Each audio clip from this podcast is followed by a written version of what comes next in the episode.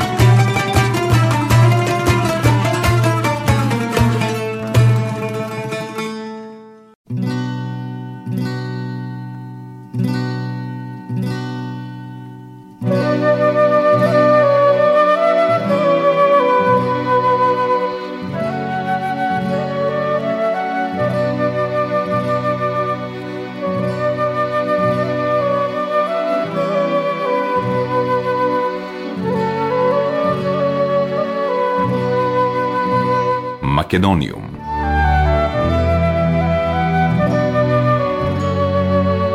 Добар ден и добре дојдовте во најновото издание на емисијата Македониум. Со вас, почитувани слушатели, е вашиот уредник и водител Јулијана Милутиновиќ.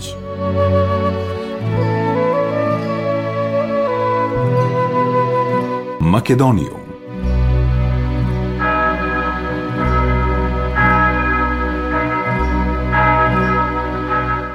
На третата редовна седница во петтиот мандат на Македонскиот национален совет во Србија, одржана во саботата на 11 февруари во Јабука, избрани се сите органи и тела со што се создадени услови за работа во четирите области за кои е надлежна институцијата Македонски национален совет во Србија.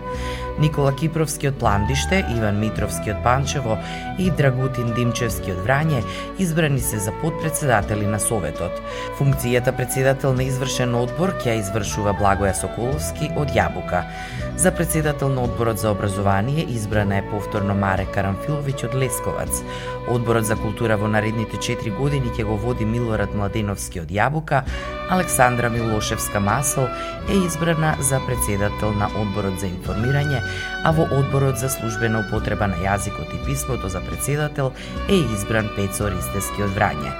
Избрани се и членовите на консултативните тела, па така телото за спорт и млади ќе го води Душан Жилевски од Јабука, а за родна рамноправност Наташа Простран од Вршац, за соработка со Македонија Благоје Илиевски од Ниш, додека телото за статутарно правни прашања ќе го води Ило Михајловски од Чачак, Сите органи и тела избрани се на предлог на председателот на Советот Борче Величковски, кој истакна дека за да дојде до овие, според него најдобри предлози, ги зеде во обзир сите можни елементи и пред изборите и после изборите, бројот на електорите, квалитетите, можностите, политичката рамнотежа, како и предлозите кои што му ги упатија членовите на Советот.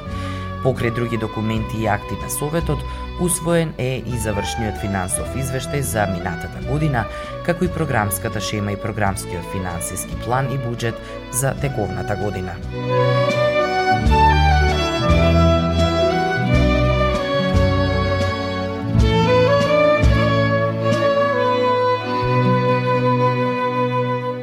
Македониум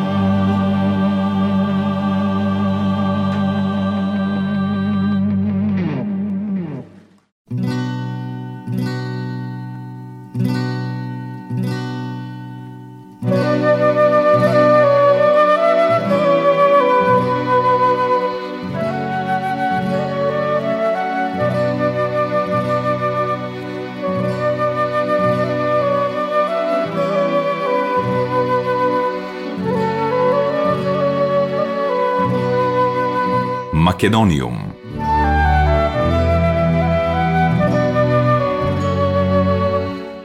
Центарот на Европска мрежа за размена на музички иновации Хеми ги откри 27-те номинирани музичари за третото издание на Хеми музички награди, меѓу кои се номинирани и тројца македонски изведувачи.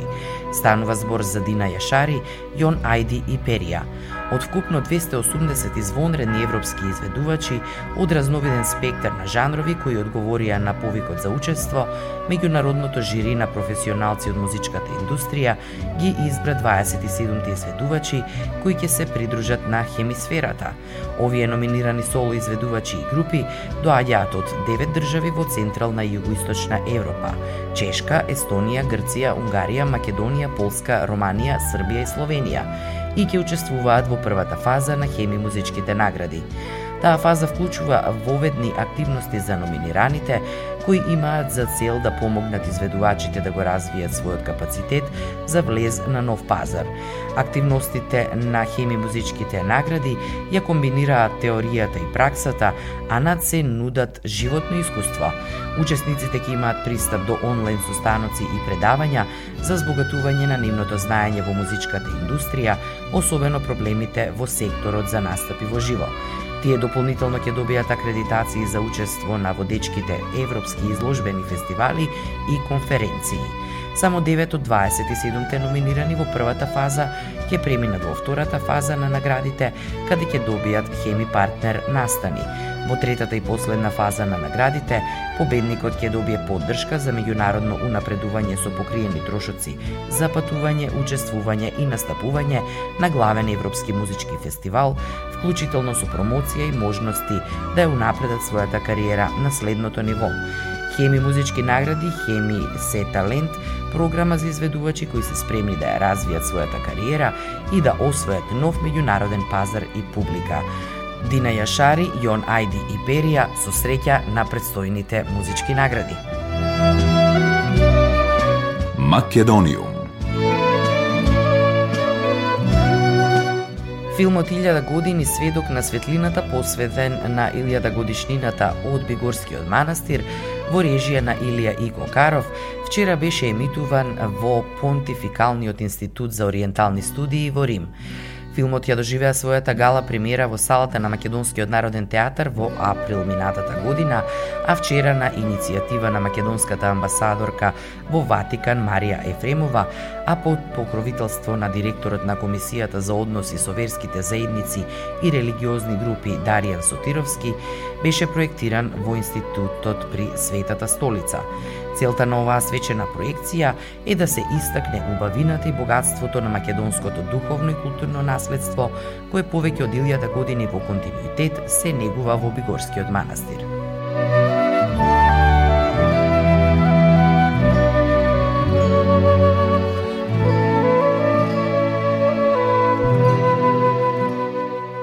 Македониум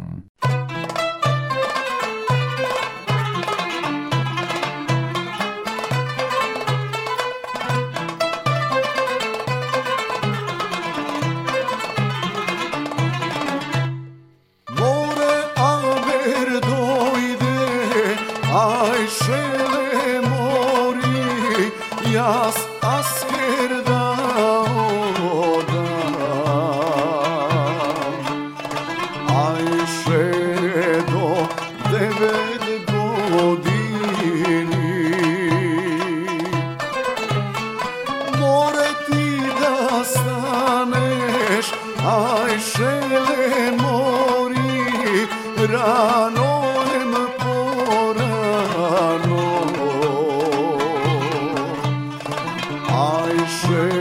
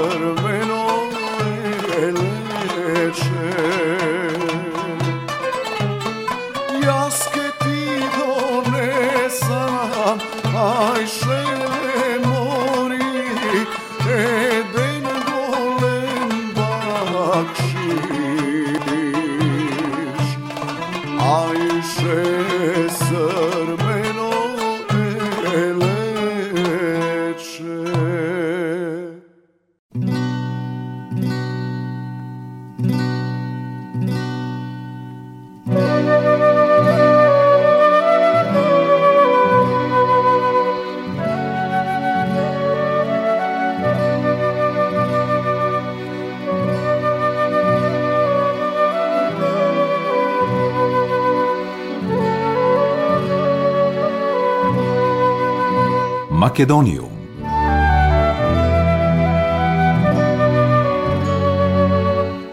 Друштвото на писателите на Македонија во понеделникот одбележа 76 години од основањето и по тој повод традиционално организираше свечено врачување на годинешните награди за најдобри книжевни остварувања во предходната година според доделните жири комисии за четирите годишни награди, кои одлучуваа по пристапните дела на конкурсите за Друштвото на писателите на Македонија за минатата година, наградата за проза Стале Попов ја доби Венко Андоновски за романот Папокот на светлината. Наградата Ацо Шопов за поезија му се доделува на Зоран Пејковски за стихозбирката Убавите жени, носител на наградата Димитар Митрев за есеистика е Соња Стојменска Елзесер за книгата Книжевен бинокулар и наградата Ванчо Николески за книга за деца ја доби Ели Маказлиева за чудесен дар во годишен календар. Покрај врачувањето на наградите, Друштвото на писателите на Македонија во соработка со писателот Венко Андоновски ќе представи перформанс за финансиска поддршка на настраданите од земјотресот во Турција и Сирија.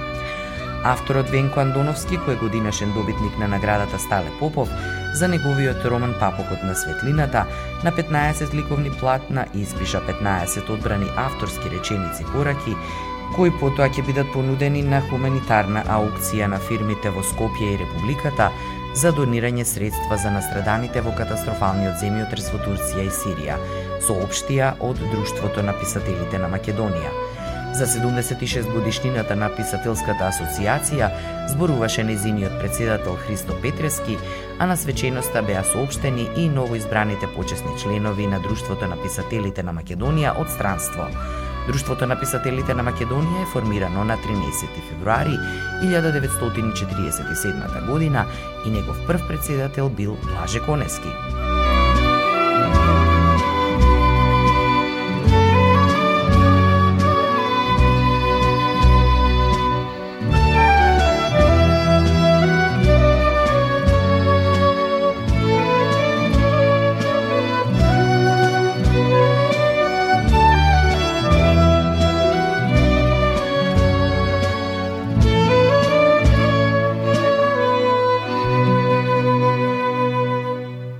Macedonium.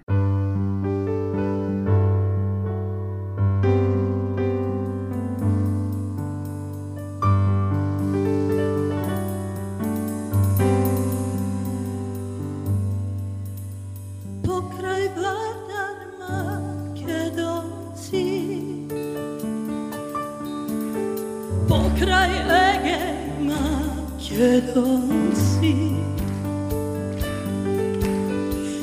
but be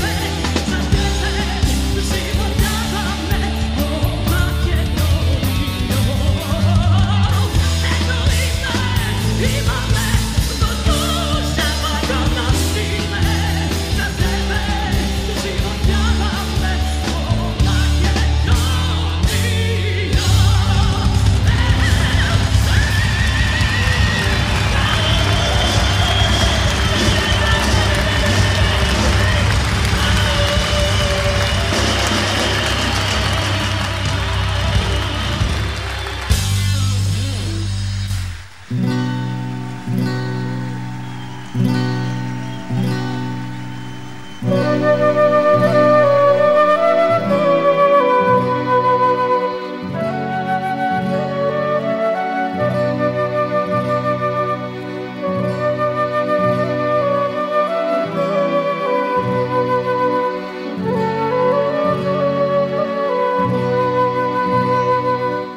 Почитувани слушатели, тоа беше се во денешното издание на емисијата Македониум.